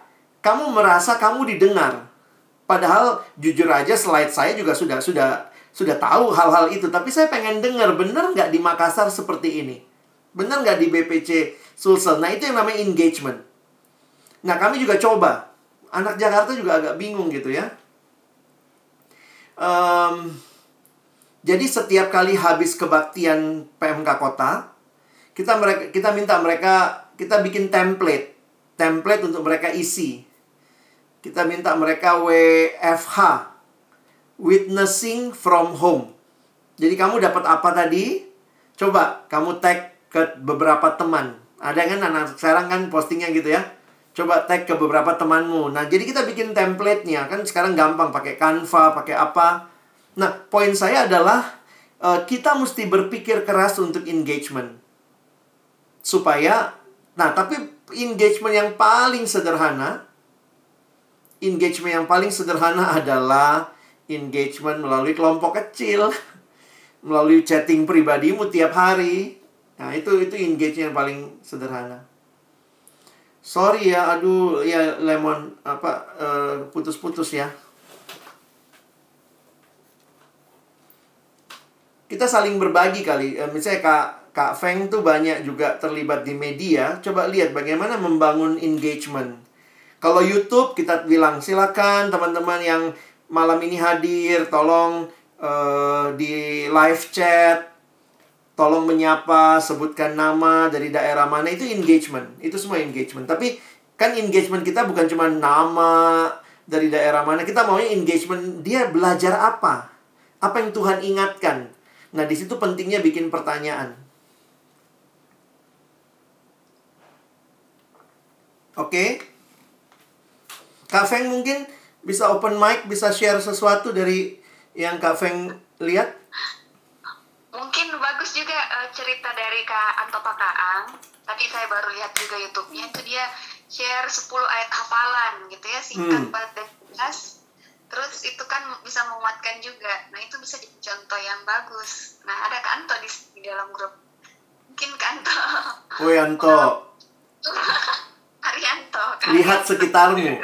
Namanya lihat sekitarmu. 10 ayat hafalan itu kan sebenarnya satu metode yang bagus untuk kelompok um, kecil. ya kelompok kecil di mana kita cuma kasih dia ayat-ayat hafalan-hafalan. Misalnya dalam dalam menghadapi masa-masa sulit hmm. uh, sama penderitaan kan pasti akan cari ayat-ayat mana sih yang bisa uh, support bisa memberikan. Nah Kak Anto itu meng menghadirkannya di YouTube begitu dengan desainnya dengan ya dengan warnanya Kak Anto. Dengan ya. suaranya Anto yang khas. Khas ya betul. Jadi uh, dengan warna seperti itu kan sebenarnya itu adalah satu uh, yeah. metode untuk engage uh, audience gitu ya untuk uh, menolong orang untuk hmm. bisa oh, ada warna yang lain begitu itu kak yeah. Alex bisa jadi yeah. contoh thank you. Anto mau share? Ya Anto silahkan. Aku nggak bisa kedengaran suara nih kenapa ya? Shalom. Shalom. Ada, iya Ya, saya kemarin itu kan uh, lihat anak-anak KTB kan uh, pada mengeluh, kak saya uh, susah nih gimana menghafal ayat dan juga satu dunia malah sudah mulai ini uh, kacau begitu. Hmm.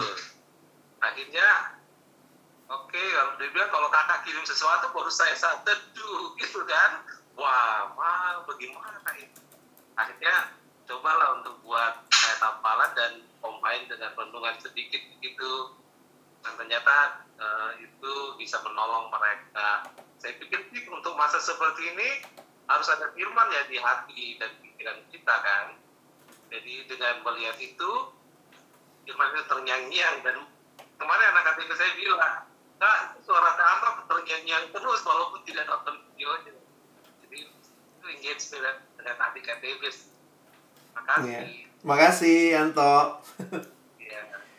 Iya. Makasih juga serinya Kak Alex bagus ya, dapat inspirasi baru lagi. Makasih. Ada lagi mungkin? Saya Kak. Ya, silakan. Namanya siapa dari daerah mana, Dek? Uh, namanya Reski Kak dari Makassar. Iya.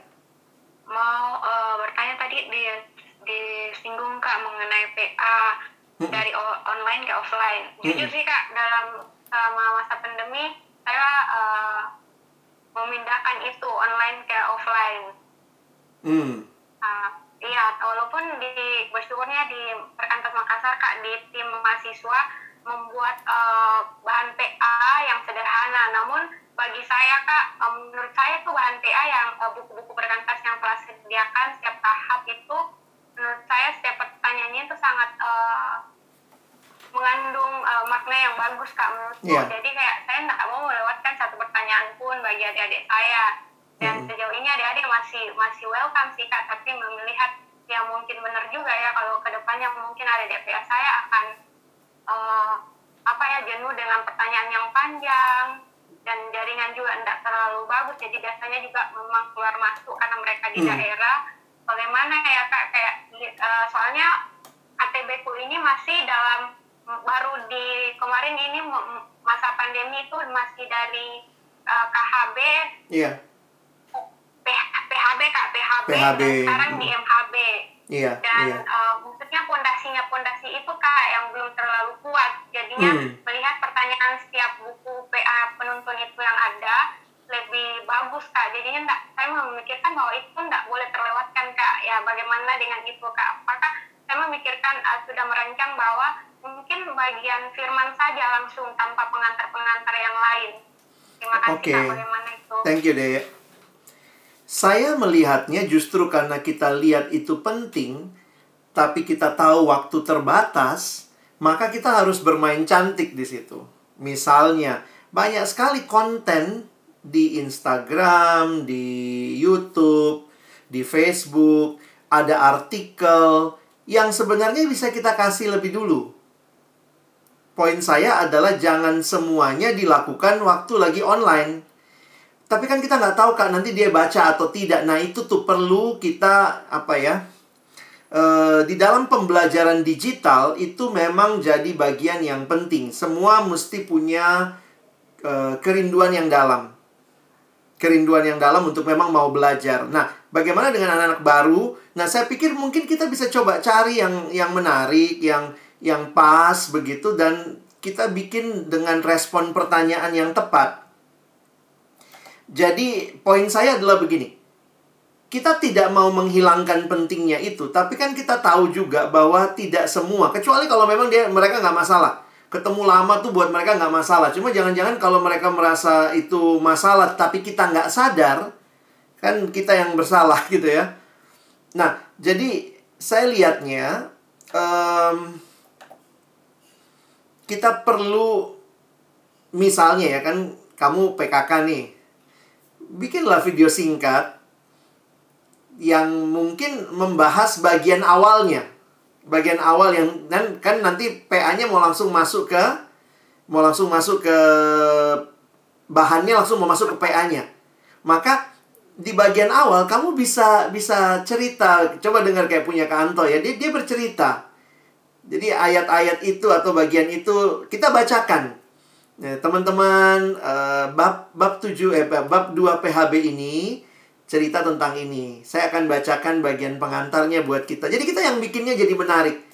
Teman-teman, nanti kita lanjut ya di pertemuan online bersama sampai ketemu. Sebenarnya kita bisa bikin dalam podcast, kita bisa. Jadi poinnya juga tidak mesti juga dipublis ke semua orang. Kalau kalian rasa, aduh kayaknya videoku begini kak, malu-maluin ya sudahlah upload di YouTube terus pilih yang private kan. Kalian tahu kan uh, bisa update sesuatu ke YouTube tapi cuma kau yang bisa lihat sama orang yang kamu kasih linknya. Itu cari yang unlisted. Jadi masuk ke YouTube, upload aja. Saya beberapa video saya masukin situ. Jadi kalau ada yang butuh video apa, nanti saya kasih linknya. Tapi sudah sudah ada di situ. Nanti kapan-kapan saya merasa ah ini nggak apa-apa dilihat publiknya. Saya tinggal ganti ke publik. Jadi sebenarnya kita yang mesti bermain cantik di luar pertemuan supaya pertemuan online ya kita bisa fokus kepada hal yang penting. Saya punya beberapa video sama warung sate kamu misalnya. Kalau kalian lihat misalnya kalian cari uh, di YouTube misalnya warung sate kamu. Nah, di situ kan ada beberapa video saya tentang bersaat teduh. Waktu itu kan saya menjawab beberapa pertanyaan tentang saat teduh dan segala macam. Poinnya kan bisa juga kan kalau kalian misalnya uh, teman-teman dengerin ya ini. Jadi kita nggak mesti selamanya bikin yang baru kita bisa combine sama yang sudah ada. Nanti masuk ke warung sate kamu, saya punya ada 7 video singkat, kalau nggak salah 7 atau 8 video singkat tentang uh, bagaimana caranya agar saat teduh bisa konsisten. Bagaimana cara mengatasi jenuh bersaat teduh. Tips uh, menjalankan puasa, karena waktu itu mereka tanya soal puasa juga. Jadi maksud saya ya ini memang kalau jadi gini sekarang sekarang buat skill kita skill baru yang menambahkan teman-teman kalau nonton sesuatu lihat sesuatu coba inventaris ih kemarin denger uh, Spotify-nya Kak Feng, ih bagus tuh tentang panggilan hidup yang dia ngomong sama si Anu. Nah, itu bisa jadi waktu misalnya bab 7 MHB tentang mencari tahu kehendak Allah, maka teman-teman nanti dengerin ini ya untuk melengkapi kita. Jadi belajar itu sekarang bagi saya bukan hanya dari kakak PA, bukan hanya dari buku PA, tapi belajar itu dari keseluruhan sehingga kakak PA itu kayak navigasi. Uh, kau baca ini ya, kau nonton tuh kemarin YouTube perkantas tuh yang Kak Feng bahas, bahas simak tentang ini. Nah, kau nonton yang ini, tapi sebenarnya kita memang mesti kita mesti jadi inventor. Ya kita mesti lihat inventaris. Nah, termasuk misalnya begini beberapa acara tuh panjang. Nah, misalnya kalau acara-acara yang perkantas itu saya pikir mesti diinventaris. Misalnya Kak Feng bertanya satu pertanyaan. Tapi satu pertanyaan itu dijawab misalnya dua menit. Tapi kan videonya itu, bayangkan videonya satu jam itu. Nah, langsung bilang, silakan dengerin di menit kesekian.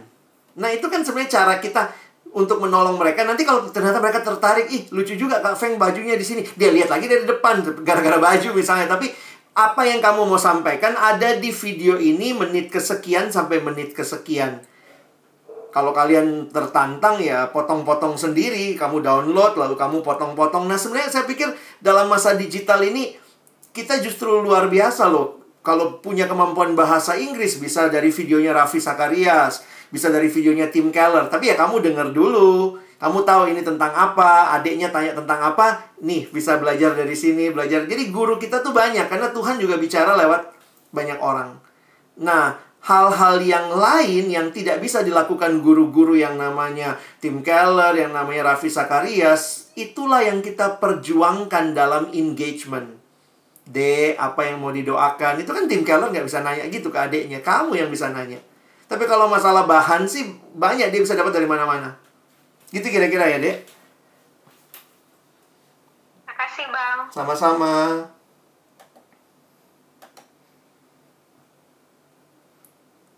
Oke, apakah masih ada atau kita tutup? Tanya, Kak. Oh iya, silakan. Dari Randy, Kak. Oh iya, Randy gimana, Ren? Kak, ini mau tanya, uh, minta masukan. Ini kan salah satu kendala yang dihadapi di masa-masa pandemi ini. Hmm. ini uh, membentuk kelompok baru. Iya. Mm-mm. Kalau kita ini kan sebenarnya kita kan sebentar maintain kelompok nih. Kalau kita yang level staff, tapi kalau cuma adik-adik yang uh, PKK PKK ini kegunanya adalah bagaimana membentuk kelompok baru, sedangkan mereka sama sekali tidak pernah ketemu dengan Mm-mm. uh, siswa dengan mahasiswa-mahasiswa baru. Nah kira-kira usulan caranya strateginya itu bagaimana kak? Thank you kak. Iya, makasih Ren. Nah, itu memang pergumulan sekali karena kita semua sama sekali baru ya. Cuma saya pikir kita coba lah. Kita coba meyakini bahwa eh, kita bisa kok membangun kedekatan. Sebenarnya kita mesti meyakini itu ya. Kita bisa membangun kedekatan eh, atau begini, kita tetap bisa membangun kedekatan tanpa pertemuan fisik keyakinan itu yang saya pikir eh itu kelihatan lah dari Paulus, dari rasul-rasul yang tulis surat. Dia bisa begitu pribadi loh dalam surat-suratnya. Padahal kan dia lagi di penjara, nggak ketemu mereka secara fisik. Memang dia pernah ketemu mereka. Tapi kitab Kolose misalnya, dalam kitab Kolose itu kita yakini, kan itu surat dari penjara ya. Kolose itu katanya Paulus kan belum pernah ke Kolose. Jadi bagi saya jemaat Kolose kan tidak dirintis langsung oleh Paulus, tapi dia bisa punya surat yang nadanya bagi saya tetap personal. Jadi dari dari dasar berpikir itu saya selalu coba cari di firmannya ada nggak sih dasar berpikirnya ya. Saya tetap harus berjuang dan meyakini kalau Paulus bisa Tuhan pakai menggembalakan jemaat yang dia belum pernah ketemu, Waktu dia tulis surat sama Roma, dia belum pernah ke Roma loh. Itu unik juga tuh. Waktu dia tulis sama Kolose, dia nggak pernah ke Kolose dan tidak ada dalam sejarah mencatat Paulus pernah ke Kolose. Tapi dia pernah punya surat yang begitu personal, begitu kuat dalam dalam ininya ya. Sehingga bagi saya, ayo kita coba. Pertama cari data kan. Habis cari data ya masukkan dalam kelompok. Nah, sekali lagi ingat, kalaupun kita memimpin kelompok, perhatian kita tetap mesti pribadi. Jadi, jujur aja, saya berpikir begini. Ini saya bilang sama teman-teman di Jakarta, mungkin kita mesti berani mengubah pola kita. Selama ini pola di Jakarta, mahasiswa baru datang, kita bikin kebaktian. Wah, kebaktian, dapat data, Habis dapat data kebaktian ditantang, baru setelah kebaktian itu, barulah mereka dimasukkan ke kelompok-kelompok kecil berdasarkan data yang ada. Nah, itu kan pola selama ini. Tangkap dulu ikannya semua, baru bagi-bagi, masukkan ini sini, ini sini, ini sini. Saya bilang jangan-jangan sekarang begitu dia kita dapat data, langsung aja bagi kelompok. Daripada kita tunggu kebaktian besar dulu baru bagi kelompok, Sementara kebaktian besar itu sekali lagi nggak personal, saya datang kebaktian besar yang saya nggak kenal satupun orang di dalamnya. Ya udah saya pendengar aja setelah selesai saya keluar. Ditanya mau ikut kelompok, ngapain? Saya nggak, ada kenal orang di dalam. Tapi kalau mungkin kita begitu dapat data, misalnya anak kelas 10 nih, sekian yang Kristen, datanya langsung kita bagi. Setiap kakak pegang tiga anak atau empat anak. Maka kita dampingi. Nah ini memang masalah itu nanti jadi PKK-nya. Saya nggak tahu nih. Tapi bagi saya sebelum mungkin bukan PKK-nya, tapi kita udah langsung bagi. Sehingga dari situ apa yang kita lakukan? Kita mulai bangun tuh. Doa sama dia. Terus kita coba bayangkan kalau kita jadi anak SMA ya. Ini saya bicara misalnya untuk anak SMA. Minggu pertama dia masuk, apa kira-kira yang jadi pergumulannya? Jadi ini yang saya pikir pendekatan kita yang sensitif. Jangan pendekatan, bukan jangan lah ya hati-hati kalau kita pendekatannya dari bahan kita. Itu kan orang perkantas begitu ya. Pokoknya kita tidak mau dengar dia punya cerita apa. Yang penting pokoknya begitu masuk dia mesti belajar doa saat teduh. Dia mesti belajar uh, menggali firman. Tapi mungkin kita sekarang lebih sensitif karena kita belum pernah ketemu anaknya. Kita coba pikir, minggu pertama kalau dia masuk, kira-kira apa pergumulannya? Misalnya, oh minggu pertama itu mulai sibuk-sibuknya belajar online, mulai ini. Maka kita mungkin minggu itu perhatiannya adalah e, gimana deh susah nggak belajar online-nya. Tapi itu mungkin kamu tanyanya per pribadi ya, ketimbang di grup WA lalu kita belas gimana, silakan jawab. Saya pikir nggak begitu. Polanya harus pribadi, touch pribadi. Lalu dari situ akhirnya kita bangun kedekatan. Kedekatan itu terbangun karena ada komunikasi sih bagi saya. Nah, komunikasi yang paling dasar bagi kita orang Kristen, kedekatan terjadi kalau kamu berdoa bagi dia. Jadi, doronglah semua benar-benar nyebut nama orang itu dalam doa, bawa mereka dalam pergumulan kita, dan benar-benar perhatikan dengan tulus, berjalan sama mereka. Nah, walaupun kita tidak pernah ketemu langsung, bagi saya Tuhan bisa menjalin hati karena terbukti Paulus sama jemaat-jemaat yang dia surati. Saya sama Kak Anto mungkin bisa cerita dulu ya. Kami waktu SMA, mungkin Kak Anto masih ingat, kita punya adik yang jarang-jarang kami ketemu. Biasanya kami cuma telepon. Jadi itu masih ingat, Tok? Masih lah. Gimana itu? Kita jarang loh ketemu adik itu ya. SMA berapa dia dulu? SMA 6 ya? SMA 6 loh itu. SMA 6 ya? Rumahnya di dekat pintu masuk Unhas, pintu keluar Unhas ya. Dan dan kami cuman komunikasi sama dia lewat telepon tapi rutin. Saya, Anto, kita ke rumahnya mungkin berapa kali toh? Dua kali ya, cuma dua kali kali ya. Ambil mangganya ya. Iya, ambil mangga. Jadi waktu itu kami mendekati siswa tanpa pernah ketemu loh di masa itu dalam arti yang ketemu rutin ya. Tapi kita jadi teman baik, teman doa begitu. Nah, saya saya coba lihat dari situasi yang itu dan saya pernah alami satu juga di Jakarta. Ada satu adik saya datang ke sekolahnya itu tahun 90-an lah, jadi belum ada HP-HP-an ya. Saya datang ke sekolahnya lalu kemudian kayak klik lah hatinya sama dia. Terus kemudian waktu pulang saya minta nomor teleponnya, terus saya mulai telepon dia. Telepon dia punya kelompok, pemimpin kelompok, cuma memang kelompoknya nggak jalan. Jadi akhirnya dia nikmati juga. Saya menemani akhirnya kayak punya jadwal rutin. Saya telepon dia setiap hari Minggu jam 2 siang, saya ingat itu. Setiap hari Minggu jam 2 siang saya telepon dia selama lumayan teratur teman-teman ya. Itu selama kurang lebih satu setengah tahun. Nggak pernah ketemu. Ketemu cuma di retret. Lalu ketemu di Natal sekolah. Selebihnya kami teleponan dan waktu itu belum ada HP jadi saya telepon ke rumahnya itu bisa telepon dari awalnya 10 menit 15 menit lama-lama bisa bisa PA bisa apa dan akhirnya sekarang dia jadi salah satu dokter spesialis dan tetap ada kedekatan secara hati karena saya pikir iya ya saya pernah benar-benar doain dia dan jadi pertemuan fisik pasti sangat indah. Tapi kalaupun tidak karena kondisi saya yakin Tuhan sangat kreatif Tuhan pun nggak pernah ketemu fisik sama kita ya. Kok bisa deket ya? Ah, ada roh kudus gitu ya. Kemarin Bang Tadius ingetin itu. Ingat loh, Tuhan kita virtual, Lex. Nggak pernah kelihatan. Iya juga sih. Bagi saya, terus kita melihat kalau nggak bisa ketemu, langsung nggak bisa deket. Ah, nggak gitu juga gitu ya. Thank you.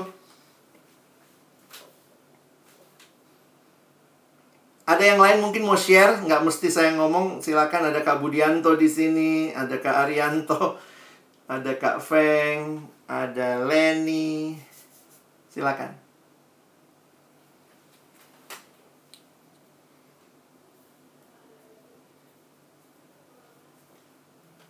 Kak Budi Tandirerong mungkin sharing pengalaman, tantangan belajar Oi. online. Oi Budi.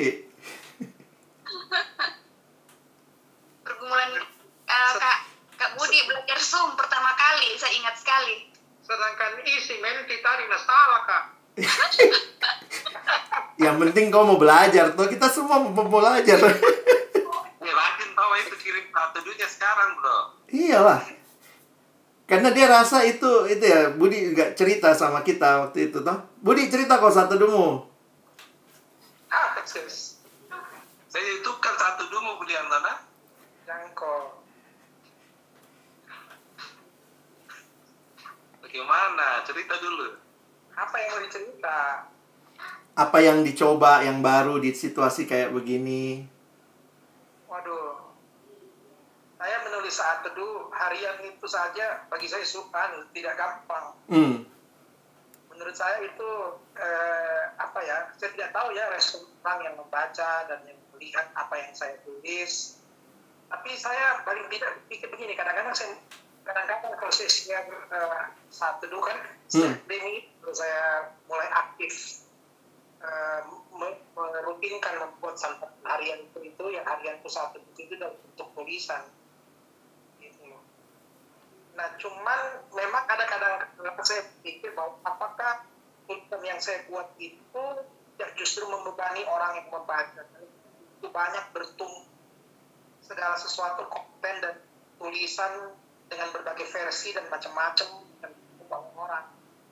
Jadi kadang-kadang kalau saya tadinya kepada seseorang satu orang terus jadi tapi kan tidak pernah eh, ya diri tapi tidak pernah ada gitu ya Iya. malah ya, ada perasaan dalam diri bahwa ah, jangan-jangan malah membebani orang gitu loh Hmm. Jangan, jangan sampai orang aduh datang lagi nih masuk lagi nih membosankan bagi dia kan Hmm. nah kadang-kadang itu Lex yang eh, Iya. uh, uh, pikirkan di dalam karena saya kembalikan ke diriku juga Hmm. semua hal yang masuk ke saya tidak semua saya lihat Betul. tidak semua saya lihat tidak semua saya buka aja saya baca pun tidak saya cuma buka kalau kadang-kadang kalau memang itu sesuatu yang menarik baru saya uh, apa apa kasih uh, jempol atau Hmm. saya kena uh, pas saya lagi mom- momen untuk uh, melihatnya jadi saya baca tapi tidak selamanya tidak semua ya jadi itu kadang-kadang yang mungkin, eh, mungkin secara perasaan saja tapi akhirnya saya berpikir bahwa tidak ada kok diam-diam dia bilang bahwa boleh kak saya eh, share lagi ke orang lain Iya. Nah, itu Nah. itu me- me- me- menguatkan ya, meneguhkan ya. ya itu menguatkan walaupun eh, ada beberapa yang eh, ini bilang ke saya saya share ya saya rutin ya terus ada juga pernah bilang jangan berhenti kalau misalnya saya sampai kadang-kadang saya sibuk sekali ya ini sampai jam 12 malam saya bikin No. dari karena di, eh, ada juga yang memang bilang walaupun ya berapa orang dari semua orang yang saya kirim tapi itu cukup memberikan eh, apa ya Hmm. ini menurut saya bukan ini bukan sebuah yang dibutuhkan itu bukan pengakuan bukan eksistensi diri kalau kalau itu mungkin kita sudah salah gitu bahwa Iya. kehadiran kita di sosial itu untuk eksistensi diri dan pengakuan orang saya kira Hmm. motivasi itu kita terjebak dalam sebuah hal kesalahan Iya. tidak boleh di situ. Nah, cuman ya saya eh, motivasi ke diriku minimal saya eh, saya sendiri mendalaminya waktu saya membuatnya tulisan Hmm. minimal dibandingkan saya ini saat teduh yang eh, yang saya baca dan cukup. Tapi ketika saya menulis, saya bisa dua jam loh Lex membutuhkan waktu Hmm. untuk menghasilkan tulisan yang tidak panjang itu. Dua Hmm. jam karena sekali saya seperti PA pribadi dan menemukan insight dan mencoba untuk eh, menulis kalimat-kalimat yang mencoba sederhana yang bisa Iya. dipaham. Itu butuh waktu, itu butuh apa nih eh, tenaga pikiran. Kadang saya lelah juga saya astaga yang begini saya tahan. Apalagi kalau aku tiap hari bikin video ini. tiap hari videonya Alex, ke Alex itu kan di mana-mana dan bukan cuma satu jenis ya. Jadi itu memang luar biasa itu. Kak Alex itu luar biasa dengan tenaganya. Saya akhir menulis itu saya terus terang itu butuh ekstra tenaga. Tapi ya oke, nah Iya. minimal buat lah ya, Hmm. minimal buat. Saya berusaha, saya bersyukur ada anak-anak muda yang menolong saya misalnya. Belajar dan saya kan tidak bukan orang yang tahu untuk mengakui bahwa saya gaptek gitu. Hmm. ada saya bersyukur ada Lia di nasional yang sering bantu ada Kapeng yang biasa bantu terus ada Niki di Toraja yang sering bantu saya. Hmm. Tahu juga bikin Canva seperti apa ya dari Niki lah Aku tahu juga. Jadi apa di ya bagi saya sih yang penting walaupun kita bukan orang yang melek teknologi tapi Iya. kita punya keinginan untuk maju kita mau Hmm. belajar Alex tadi juga sudah bilang jadi ya dalam segala keterbatasan itu saya berusaha untuk mampu gitu. nah jadi hari ini saya mau belajar lagi sama Alex nanti Alex tanya woi bagaimana bikin itu create itu menti baru saya mau bikin-bikin juga Oh iya. sudah bikin konsultasi pemuri dan Alex Iya, sudah pernah ini. Iya. Oke, baru saya tambah baru di situ Paling excited Kak Budi. Iya, lagi-lagi kan Jimek.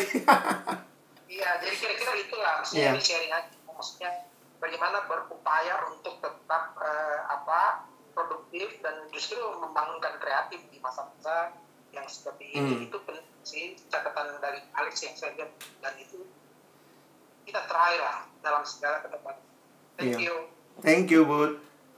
Saya garis bawahi dua hal tadi yang Kak Budi bilang ya, karena bagi saya sebenarnya kalau kita memposting sesuatu demi dilihat orang banyak yang like itu akan akan capek.